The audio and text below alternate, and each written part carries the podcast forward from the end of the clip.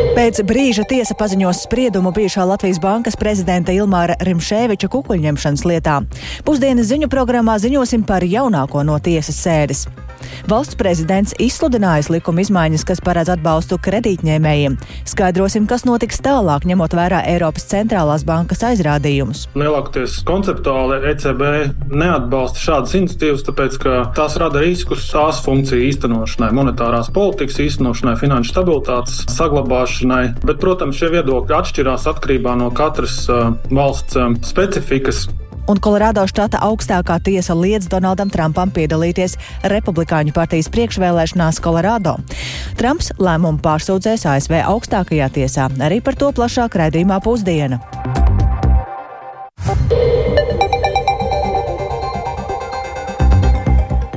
12,5 minūtes, un tas ir raidījuma pusdiena laiks, kurā plašāk skaidrosim šīs dienas, 20. decembra būtiskākos notikumus. Studijā Dāca Pēkšēna, esiet sveicināti! Valsts prezidents ir izsludinājis strīdīgos likuma grozījumus, kas paredz atbalstu mājokļa kredītņēmējiem, un tas nozīmē, ka lielākajai daļai kredītņēmēju daļai kompensēs kredītu procentu maksājums, un tas attiecas uz tiem, kam kredīta atlikums nav lielāks par 250 tūkstošiem eiro. Te gan jāatgādina, ka izmaiņas likumā ir kritizējusi Eiropas centrālā banka, un tās iebildes šodien vērtēja arī saimas deputāti. Sarunām līdzi sekoja kolēģe Paula Devica. Sveika, Paula! Atgādini vispirms par to, kāda tad bija Eiropas centrālās bankas iebildumi. Labdien! Jā, es iesākšu ar vēl mazliet senāku vēsturi.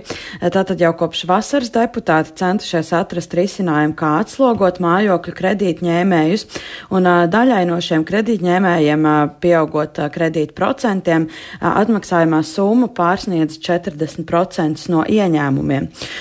Paralēli šiem centieniem atrast risinājumu notika arī sarunas ar bankām, taču tā kā deputāti pretimnākšanu nesagaidīja, trīs lasījumi lasījumos tad pieņēma šos grozījumus patērētāja tiesība aizsardzības likumā, kas nosaka atbalstu eh, hipotekāro kredītu ņēmējiem 30% apmērā no procentu maksājumiem. Eh, lai to sniegtu, kredīta iestādēm noteica pienākumu maksāt nodevu. Eh, aprēķini par nodevas apmēru jāveic pašām bankām, bet to administrēs valsts ieņēmuma dienests, kurš to arī izmaksās tālāk kredītņēmējiem.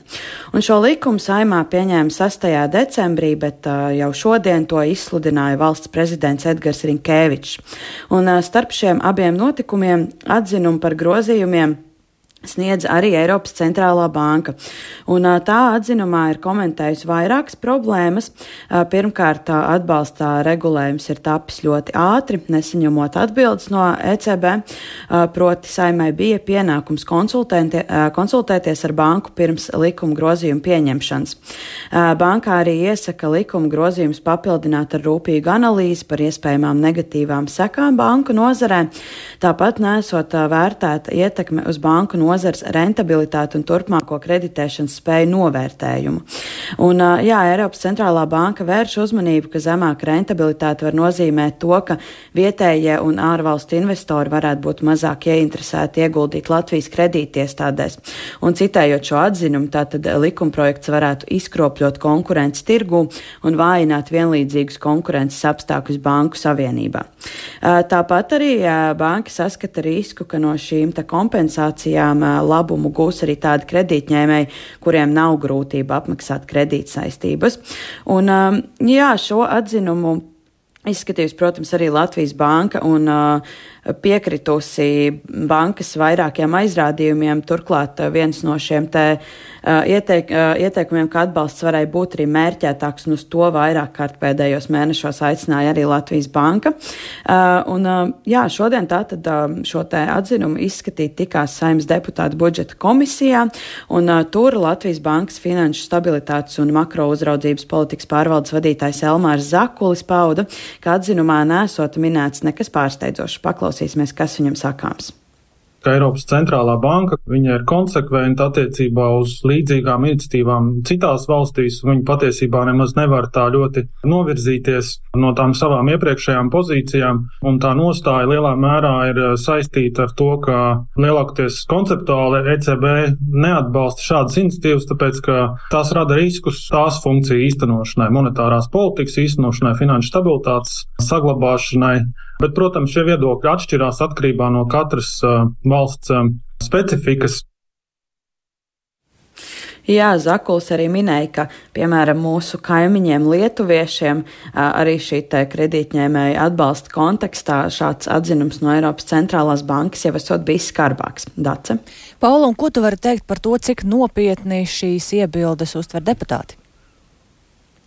Jā, budžeta komisijā sanākušie vairāk kārt uzsvēra, ka atzinumu uztvēruši kā ieteikumus un arī uh, noraidīja, ka atbalsta plānošanā būtu iztra, iztrūcis kāds izpētes posms. Uh, izskanēja arī vairāk viedokļi, ka mediji esot pārspīlējuši, tā teikt, šī atzinuma skarbumu, un tas patiesībā ir rekomendējošs un jā, bijis arī paredzams. Uh, grūti gan iedomāties, kā tad šādā formālā saziņā izskatītos skarbāks atzinums, jo tas ietver, protams, to, kas tam ir jāietver, un tajā ir norādes uz vairākām nepilnībām un riskiem, un arī, un arī šo saistību nepildīšanu, kas tad paredzēja saimai konsultēties ar uh, Eiropas centrālo banku pirms uh, likuma grozījuma pieņemšanas.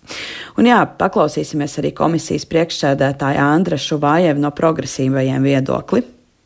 Līkuma projekts gāja vispārējā kārtībā, trīs lasījumos, notika plašas diskusijas un konsultācijas ar ar iesaistītajām pusēm Latvijā.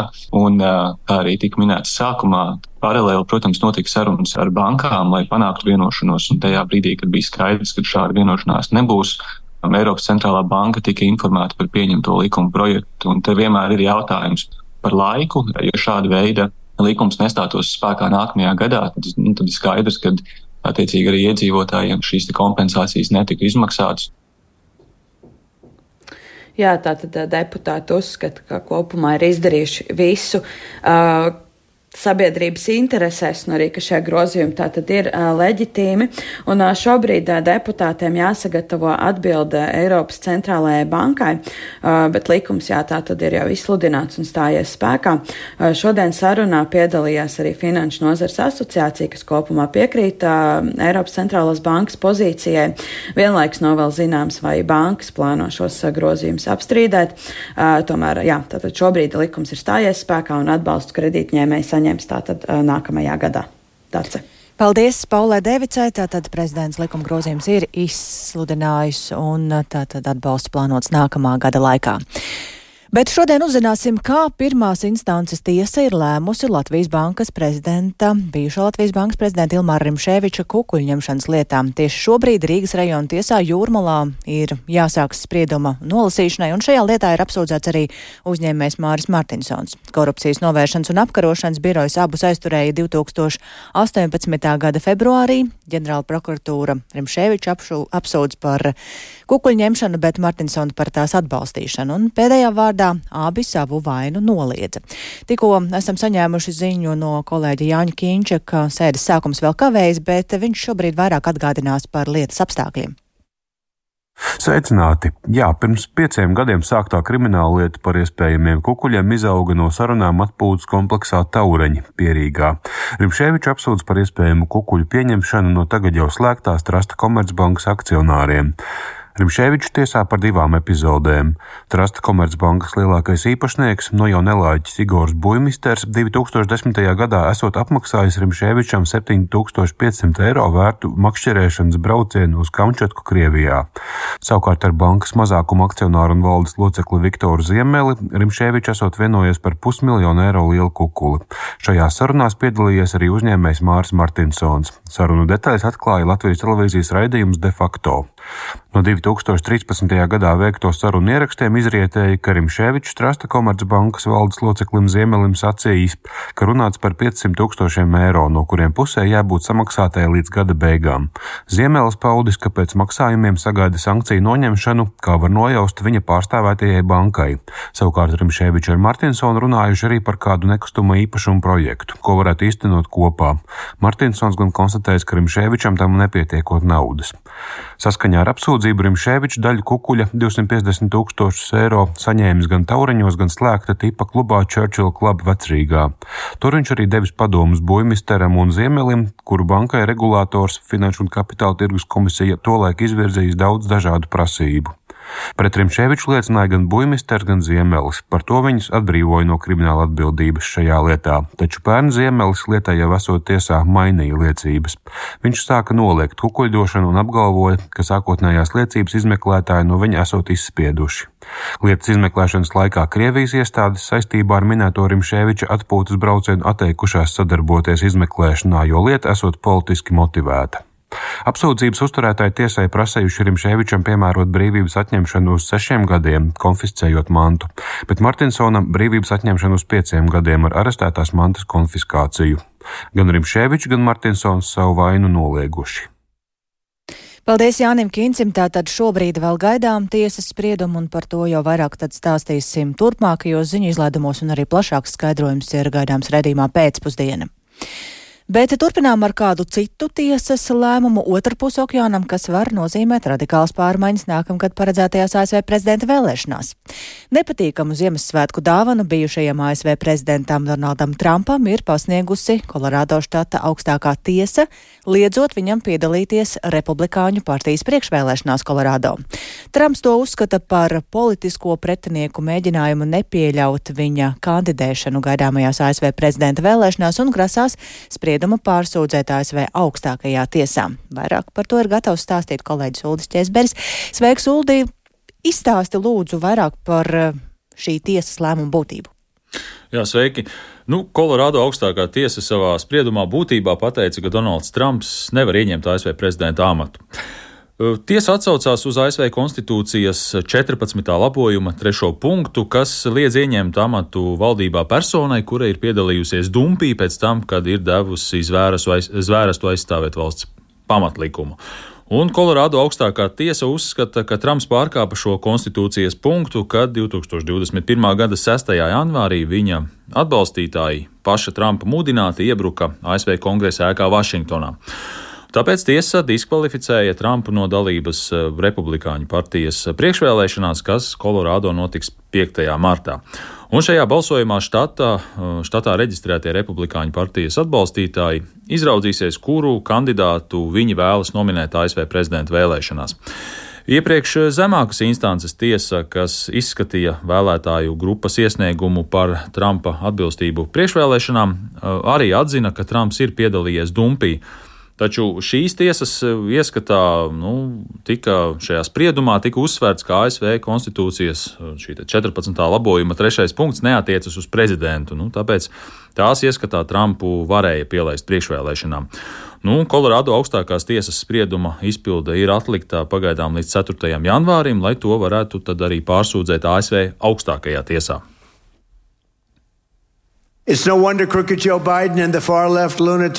Nav nekāds brīnums, ka negodīgais Džo Baidens un galēji kreisie izmisīgi cenšas mūs apturēt ar jebkuriem līdzekļiem. Lai uzvarētu vēlēšanas, viņi ir gatavi pārkāpt ASV konstitūciju līdz šim neredzētā līmenī. Džo Baidens ir drauds demokrātijai. Viņš ir drauds. Viņš izmanto tiesība aizsardzības iestādes kā ieroci, lai īstenotu augsta līmeņa iejaukšanos vēlēšanās, jo mēs viņus tik ļoti pārspējam aptaujās. Jā, un šis bija paša Donalda Trumpa komentārs par to, kā viņš uztver šo tiesas spriedumu. Jā, kā dzirdējāt, viņš nav par to priecīgs un tajā arī vaino savu pašreizējo, savu konkurentu, pašreizējo ASV prezidentu Joe Baidenu. Un uh, arī Trumpa atbalstītāji ir saniknoti par spriedumu un uzskata, ka tas ir negodīgs. Uh, par šo spriedumu ir izteikušies arī vairāki Trumpa konkurenti, kuri mm, sacenšas ar viņu par Republikāņu partijas nomināciju 2024. gada prezidenta vēlēšanās. Nu, piemēram, Krisis Kristīs, kurš ir um, zināms kā diezgan kvēls Trumpa mm, teikt, noliedzējs kritiķis, viņš ir paziņojis, ka vēlētājiem, nevis tiesām, ir jāizlemj, vai ne, ne, nepieļaut Trumpa atkārtotu ievēlēšanu prezidenta amatā. Nu, savukārt Viveks Ramasvami ir paziņojis, ka viņš atsauks savu dalību Kolorādo priekšvēlēšanās, ja tajās, ja tajās nepiedalīsies Trumps. Un bijusī federālā prokurore Kristija Grīnberga norādīja, ka nu, tagad galvenais jautājums ir, vai Kolorādo augstākās tiesas spriedums stāsies spēkā. To pilnīgi noteikti pārsūdzēs ASV augstākajā tiesā. Man ir daudz mazāka pārliecība par to, ka ASV augstākā tiesa nolems diskvalificēt Donaldu Trumpu, ņemot vērā konservatīvo vairākumu šajā tiesā. Es domāju, ka tiesa šo lietu mēģinās izskatīt ātri, jo šis ir ļoti steidzams jautājums. Un šajā gadījumā Trumps aicinās augstāko tiesu pasteikties, jo viņa vārdam ir jāparādās priekšvēlēšanu biļetenos the ballot for these primaries. Jā, nu tagad visi skati būs, protams, vērsti ASV augstākās tiesas virzienā. Un tad, protams, būs jautājums, kāds būs lēmums. Ja augstākā tiesa atstās spēkā Kolorādo augstākās tiesas spriedumu, tad var sagaidīt, ka arī citu štatu tiesās nonāks um, iesniegumi izvērtēt Trumpa atbilstību kandidēšanai priekšvēlēšanās. Un tas jau var nopietni ietekmēt Trumpa izredzes iegūt republikāņu nomināciju nākamā gada prezidenta vēlēšanās. Nu, tad gaidīsim, kad tad uh, ASV augstākā tiesa sāks izskatīt šo lietu. Paldies Uldim Česberim. Tātad gaidām augstākās tiesas spriedumu un kad to sāk skatīt, bet neskatoties uz ASV un Eiropas Savienības kavēšanos ar lēmumiem par solīto finansiālo atbalstu, Ukraina ir pārliecināta, ka partneri to nenodos un tik vajadzīgā nauda tiks piešķirta. Tas ir izskanējis Ukrainas prezidenta Valdemira Zelenska gada noslēguma preses konferencē, un tajā klāt bija arī mūsu Latvijas radio korespondente Ukrainā Indra Sprānce, un vairāk par tur izskanējušo paklausīsimies viņas ierakstā. Ukrainas prezidenta gada noslēguma preses konference, ko izziņoja salīdzinoši neilgi pirms tās norises, pulcēja ļoti lielu skaitu Ukrainas vietējos un ārvalstu medijus. Sākumā Zelenskis ieskicēja Ukrainas uzvaras šajā valstī nebūt nevieglajā laikā, kā būtiskāko izceļot Eiropas Savienības dalību valstu lēmumu sākt sarunas ar Ukrainu par tās iestāšanos Eiropas Savienībā. Kā vēl vienu Ukrainas uzvaru prezidents pieteica Ukraiņu sekmes Melnajā jūrā, kur izdevies patriekt Krievijas kuģus tālāk prom, atbrīvojot kuģu ceļu ekonomiskajām kravām. Tāpat kā pozitīvu aspektu prezidents atzīmēja arī ekonomikas spēju atkopties pilna apmēra iebrukuma apstākļos, kā arī to, ka izdevies stiprināt pretgaisa aizsardzību. Preses konferencē liela uzmanība tika veltīta jautājumiem, kas saistīti ar Ukrainas cīņu pret iebrucēju, un prezidents paziņoja, ka saņēmis no Ukrainas bruņoto spēku vadības piedāvājumu par 450 līdz 500 tūkstošiem cilvēku palielināt Ukrainas armiju. Paklausīsimies fragment no Zelenska sacītā. Дуже чутливо, я вважаю, а вони звернулись Jautājums, manuprāt, ir ļoti jūtīgs. Viņi runāja par mūsu valsts aizsardzību un potenciālo pretuzbrukumu un cilvēku deficītu, un viņu ierosinājums bija mobilizēt papildu 450 līdz 500 tūkstošu cilvēku. Tas ir ļoti nopietns skaitlis.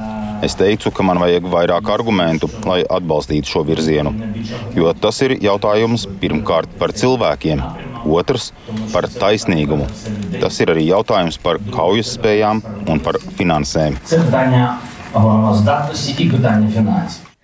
Zelenskis atzīmēja, ka pirms lēmuma pieņemšanas vēlas papildus informāciju par jautājumiem, kas skar karavīru iespējas atstāt dienestu, jeb demobilizēties pēc noteikta frontē pavadīt laika, viņu rotēšanu un iespējami doties atvaļinājumos.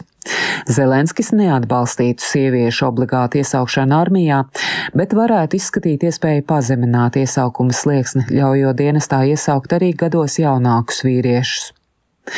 Prezidents norādīja, ka papildus mobilizācija Ukrainas aizsardzības izdevums palielinātu par 12 miljoniem eiro, un tas ir būtisks sloks nodokļu maksātājiem.